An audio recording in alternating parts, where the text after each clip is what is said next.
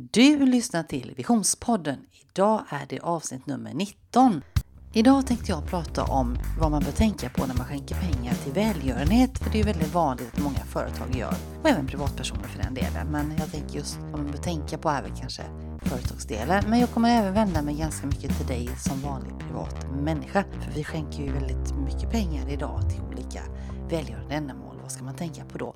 Jag tänkte även berätta lite grann om mitt personliga val som är Yoga Corvita. Och vad betyder det och till vilket ändamål skänker Yoga Corvita pengar? Lyssna vidare så får du snart reda på detta. Att ge pengar till hjälporganisationer har aldrig varit enklare. Smarta betaltjänster finns ju idag som gör att en insats sällan är längre bort än ett klick. Jag menar man kan skänka på Facebook. Många har ju födelsedagsinsamlingar på Facebook har jag sett då och jag har själv bidragit till flera stycken där. Det är ju väldigt, väldigt enkelt och det har blivit väldigt, väldigt vanligt. Men det har ju inte alltid varit så. En gång i tiden, man brukade ju samla in kläder och sånt där. Det gör man ju än idag. Och jag minns, nu kommer jag på en grej här som jag ska bara ta som en anekdot här emellan. Det var så här att eh, en gång i tiden när jag studerade på universitetet så jobbade jag även extra som bemanningsföretag heter det idag. Då hette det skrivbyråer. Och jag var ute hos ett, hos ett företag som, eh, där då han den vdn hade faktiskt, men den här vdn han var väldigt mycket för att samla in saker och han reste runt i världen. Jag kommer inte ihåg vad det var för företag nu. Men jag var där och jag skulle vara i växeln och ta hand om lite saker. Till saken är ju nu då att han hade samlat in en massa, massa saker och de låg i en massa sopsäckar på hans kontor. Det var hur mycket som helst som han hade samlat in. Och för mig när jag tittade in där lite snabbt, jag var inte så jättegammal, så tänkte jag, gud vad mycket skräp det är här inne. Men jag tänkte inte så mycket mer på det, utan jag gick in och ut och syster, gjorde mina sysslor. Men sen var det så också att de skulle slänga lite saker på kontoret. Det här var lite roligt. Så, så då kommer det upp en sån här bjudfirma där. Så ja, vi skulle slänga lite grejer här nu då. Vad har ni dem? Och det första jag tänkte på var ju alla de här säckarna som stod där på det här kontoret. Jag tänkte det måste ju vara dem. Men på något sätt så besinnade jag mig lite så jag tänkte jag måste nog ändå fråga liksom innan jag, för det var ju jättemycket. För jag sa, ja vi har ju det här rummet här då. Och killen såg väl li, han såg lite så här chockad ut som skulle hämta det. För han, han hade ju fått instruktioner att typ hämta ett paket och där stod det kanske 20 sopsäckar. Så att jag tänkte, nej men det är bäst att fråga någon. Så jag gick och frågade någon sagt och gjort. Och då visade det sig att det var en eh, liten låda som han skulle hämta och slänga. Och de här sopsäckarna då säger de, då, herrejösses, det här har vi ju samlat in under jättelänge. Det här var ju då vdns hjärtebarn då han skulle skänka till någon insamling. Och jag bara kände, puh vilken tur att jag frågade så jag inte då hade flera veckors slit här gått och slängt detta. Det hade ju varit förfärligt. Så slutet gott, allting gott. Så insamlingar har vi väl gjort och bidragit med i alla dess tider. Men vad jag tänkte prata om idag är att många då skänker ju då eh, via internet företag göra. Man vill sponsra, man kanske vill ha lite skattelättnader så som företagare. Och vad ska man tänka på då? Det ska jag prata lite mer om lite senare här, hur man gör rent bokföringstekniskt då. Först och främst då vad man behöver tänka på det är ju då att man ska välja en organisation att stötta eller man kan ju faktiskt stötta flera. Jag vet ju kollegor som skänker varje månad till flera olika organisationer som hon faller varmt om hjärtat. Hon har flera stycken som hon skänker en summa varje månad. Det var ju väldigt vanligt att man skänkte via post och sådär förut. Att man hade vissa som skickade ut, vill ni stödja oss? Och så betalade man. Min mamma till exempel, hon fick, blev alltid uppringd varje jul av eh, Dövstummas förbund, för min pappa höll lite dåligt. Och då skänkte hon alltid en summa till dem. Och så fick hon lite klisterlappar eller något sånt där då. Men idag har det här exploderat i form av insamlingar och idag är det väldigt eventbaserat. Och det annonseras mycket och det finns många stora organisationer som verkligen har förstått vikten att kunna då samla in pengar till deras livsviktiga forskning, vad det nu än kan vara då. Så att det gäller då att hitta en organisation att stötta och varför gör man nu det och varför vill man göra det? är ju en fråga man kan undra ibland. Företag kan ju ha då skattemässiga skäl att göra detta. Man har gått med bra vinst och sådär och så tänker man att en del av överskottet vill man skänka till något och så får man ju en liten skattelättnad. Eh, en del har ju också personliga anknytningar, det har hänt någonting i ens närhet det kan vara cancer, det kan vara hjärtat. Det kan vara, då ligger ju det en varmt om hjärtat om man har något sådant. Och sen har vi oss vanliga människor då som, som idag är med på många av de här insamlingen och eventen och hjälper till att samla på det sättet. Dels genom att stödja eventen och dels genom att samla in pengar och skänka pengar själv. För mig personligen då så har jag varit med och stöttat organisationer i väldigt många år. För cirka det var väl ungefär en 15 år sedan som jag blev lite extra delaktig med just det här event. Jag tror det var runt 2007 då. Det var ju inte särskilt vanligt på den tiden men idag har det ju verkligen exploderat. Och det finns ju nästan inte någon arbetsplats som inte kanske är med, har någon insamling av något slag eller har någon, någon på någon som har deltagit i någon form av kanske cykelevent eller yogaevent eller man går för någonting eller ja, det finns hur mycket som helst. Men för min del då så började det i eh, när min son var ung. Han hade i sin ungdom många, många idéer och han höll på med idrott och han drog igång en massa event i ung ålder. Han var väl 17-18 år och han är pappa till flera stora insamlingsrelaterade idrottsevent inom cykling. Jag ska inte gå in på dem här nu då, men eh, det finns många stora cykelevent i Sverige idag som han har varit pappa och delaktig med. Eh, och han har jobbat för en stor organisation och samlat in pengar för barn och så. Då var det ju så då att då blev vi ju delaktiga i detta också för att då behövde han ju ibland lite hjälp att köra eller det skulle hållas något event, man skulle köpa in mackor, man skulle stå och hjälpa till lite grann med det eller fylla vattenflaskor till de här som cyklade. Det kunde ju vara sådana här 24 timmars event på en cykel och bindningscykel och så. Där har jag varit med och hjälpt till och stöttat upp min familj här då. Men det var ju främst han som höll på med det här då ja, det var mycket pyssel, men det var också väldigt roligt och det var väldigt, väldigt tacksamt att se hur det här växte och hur de här pengarna faktiskt kom till nytta. Så det, det var fantastiskt fina insatser som många gjorde där. Och sedan 12 år så arbetar jag förutom på min egen firma med min redovisning så har jag även en jobbar jag även på Ågrenska som är en non-profit organisation. Så jag kan verkligen säga att jag varit inblandad i det här med välgörenhet under en väldigt, väldigt lång tid. 2018 så kom vårt fokus att ändras av naturliga skäl. Det började med och det har egentligen inte med det att göra, men det började, och jag ska komma vidare till Yoga Corvita, det var att det började med att jag gick en yogalärarutbildning. Och i början av 2018 så såg, så såg livet ganska ljust ut. Det var soligt och den sommaren var väldigt, väldigt varmt. Och vi hade haft en svår tid bakom oss och jag kände den sommaren att ah, men nu tror jag det vänder, nu tror jag allting blir bättre. Men eh, livet blir ju inte alltid som man tror. För den 23 augusti 2018 fick jag ett telefonsamtal. För de flesta människor finns det stunder i livet man aldrig glömmer. Och om någon skulle fråga dig om dessa stunder så kan man exakt säga vad man gjorde just då. Och några av de stunderna är glädjestunder. Det kan vara till exempel när du är kvinna när du föder barn eller när du träffar någon. Och andra stunder är sorgliga. Och eh, i och med att vi handlar om, pratar om välgörenhet här nu så kan ni nog gissa att det här inlägget då kommer att handla om det senare, om den svåraste stunden som vi i vårt liv drabbades av. Det var när vi fick ett telefonsamtal att vår sons liv var över. Hade fyllt 31 år den 18 augusti 2018 och den 23 augusti 2018 så gick han hastigt bort i ett plötsligt hjärtstopp. Och bakgrunden till detta då var att han hade fått ett hjärtrus och han hade fått en ICD, det är en hjärtstartare, ingen vanlig pacemaker utan en hjärtstartare inopererad. Och den modellen han hade som kan, som kan gå i, eller den modellen som kan gå i baklås, den hade han ju tyvärr fått då. Så när han fick hjärtruset den kvällen så fungerade inte den här hjärtstartaren. Och trots snabba insatser så gick hans unga liv inte att rädda. Ibland när jag berättar om det här så, så tittar folk på mig så säger de ja, ja, men, men du visste ju om att han hade hjärtsjukdom och så där var väl inte, det finns folk som haft det värre. Och jag tycker, tror inte man faktiskt kan mäta det här med sorg, vad som var värst eller i vårt fall så var det ju så att han levde ju 25 år utan att vi hade en aning om att han hade en hjärtsjukdom. Och eh, när han sen fick då den här eh, diagnosen om man säger så och fick den här ICDn så gick han ju på regelbundna kontroller och vi trodde att allting var frid och fröjd. Visst visste vi att han hade en allvarlig sjukdom på lur men allting verkade ju väldigt stabilt. Och eh, det fanns ingen anledning att misstänka att han skulle bara segna ner och gå bort så snabbt som han gjorde. Så han hade ju då gått upp på morgonen en helt vanlig torsdag, gått till arbetet, kommit hem, ätit middag med sin familj, nattat sitt barn och börjat känna ett rus och stegnade han ner och gick bort. Det här är inget jag önskar att någon ska behöva råka ut för. För att backa då vad som hände med honom, det var ju då att när han var 25 då så upptäcktes det, Alexander som han hette, att han hade en sällsynt hjärtsjukdom som hette ARVC. Och han var en idrottskille, han höll på och konditionsidrottade på hög nivå och ARVC triggas just av detta. Eh, hjärtat blir då förstorat och det är det man kan läsa om många unga idrottsmän som plötsligt sneglar ner och dör. Och det beror oftast på att man har någon sån här bakåtliggande sjukdom.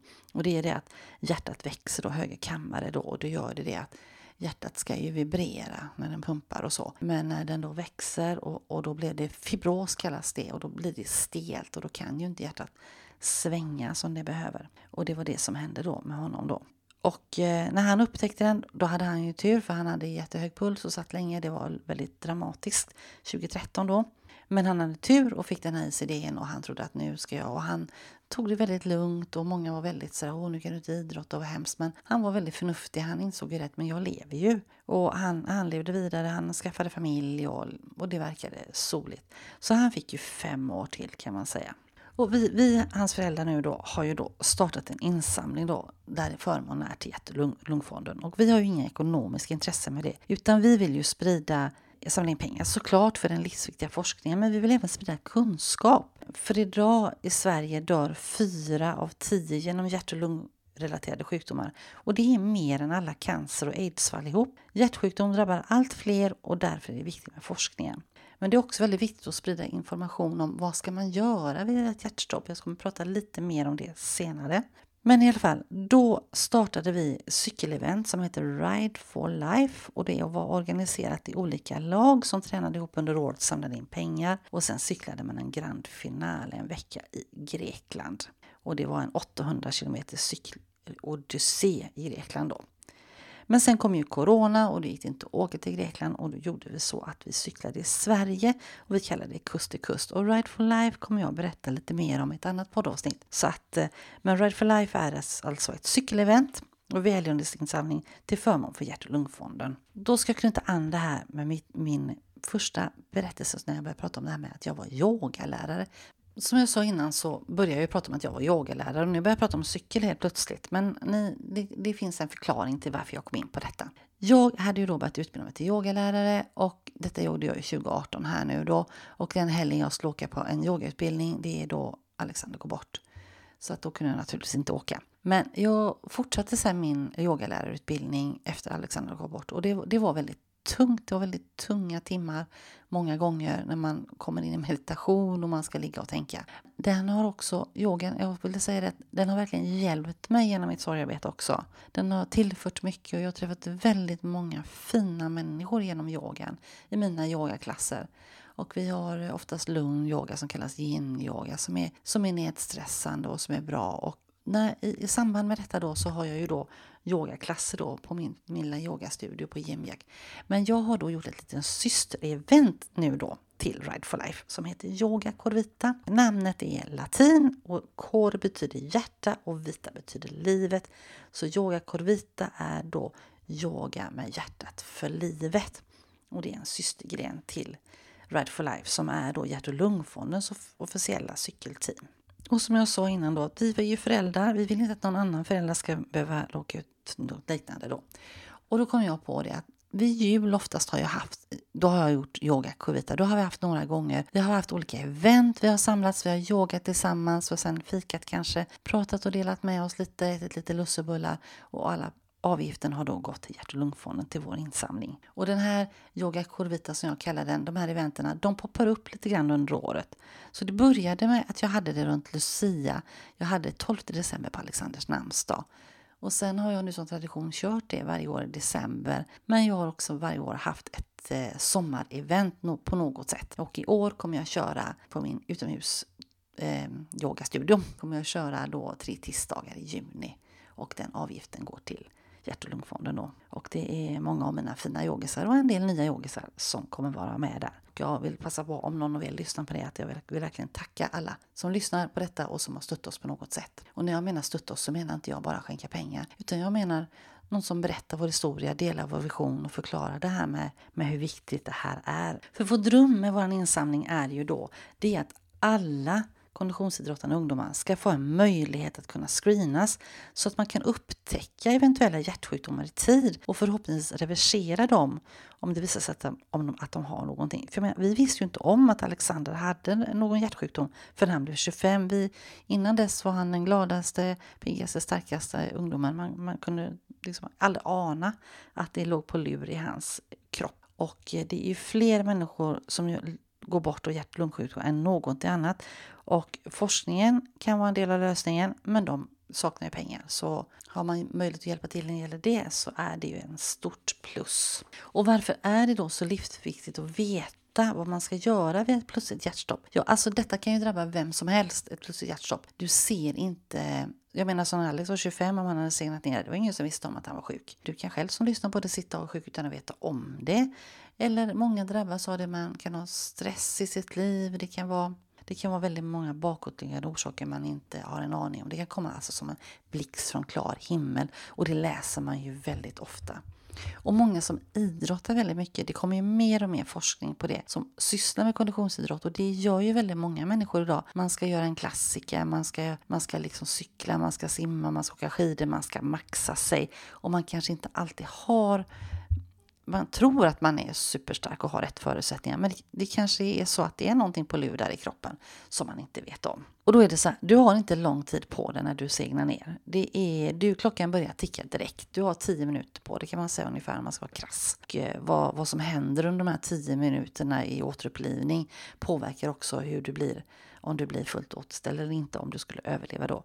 Det är endast 600 av 10 000 som överlever ett hjärtstopp, det vill säga 6 procent. För att överleva så krävs det ju då att man gör en omedelbar insats i form av eh, hjärt och lungräddning. Så har ni kurser ibland på jobbet med det eller, eller så vidare, gå det. Och ännu bättre om det finns en hjärtstartare i närheten att man använder det. Och symptomen är då att oftast faller den drabbade bara ihop utan en förvarning. Personen kan vara då okontaktbar, han andas inte eller har en oregelbunden konstig andning som kan vara suckande, rosslande, snarkande dylikt. Denna andning kallas agonal och styrs reflexmässigt. Personer kan även få kramper som då kan påminna om epilepsi. Om personen har haft symptom så handlar det oftast om samma typ av symptom som vid akut hjärtinfarkt, det vill säga tryck eller smärta över bröstet i varierande grad.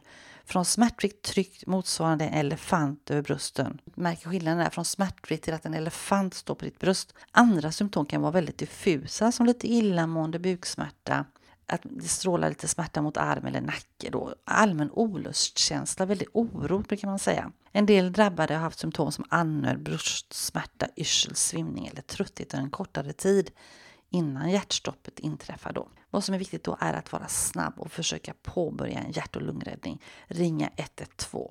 Och man kan, det finns appar man kan ladda ner idag om det här också. Så vad jag vill säga med detta är att det kan liksom drabba vem som helst, när som helst. Så det är inte så konstigt då att Yoga Corvita och vår insamling då går till hjärt-lungfonden med tanke på vad som hände vår son då. Men du som lyssnar på detta, du kanske har någon anhörig som har någon annan sjukdom eller varit, varit någonting annat. Du kanske känner att den organisationen passar dig bäst. Då är det klart att man kan stödja den, att man, att man väljer den såklart.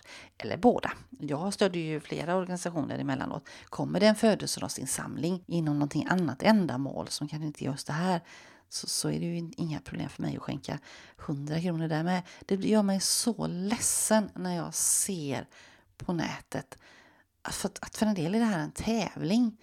Jag menar som jag berättade min kollega, hon stödjer fyra olika.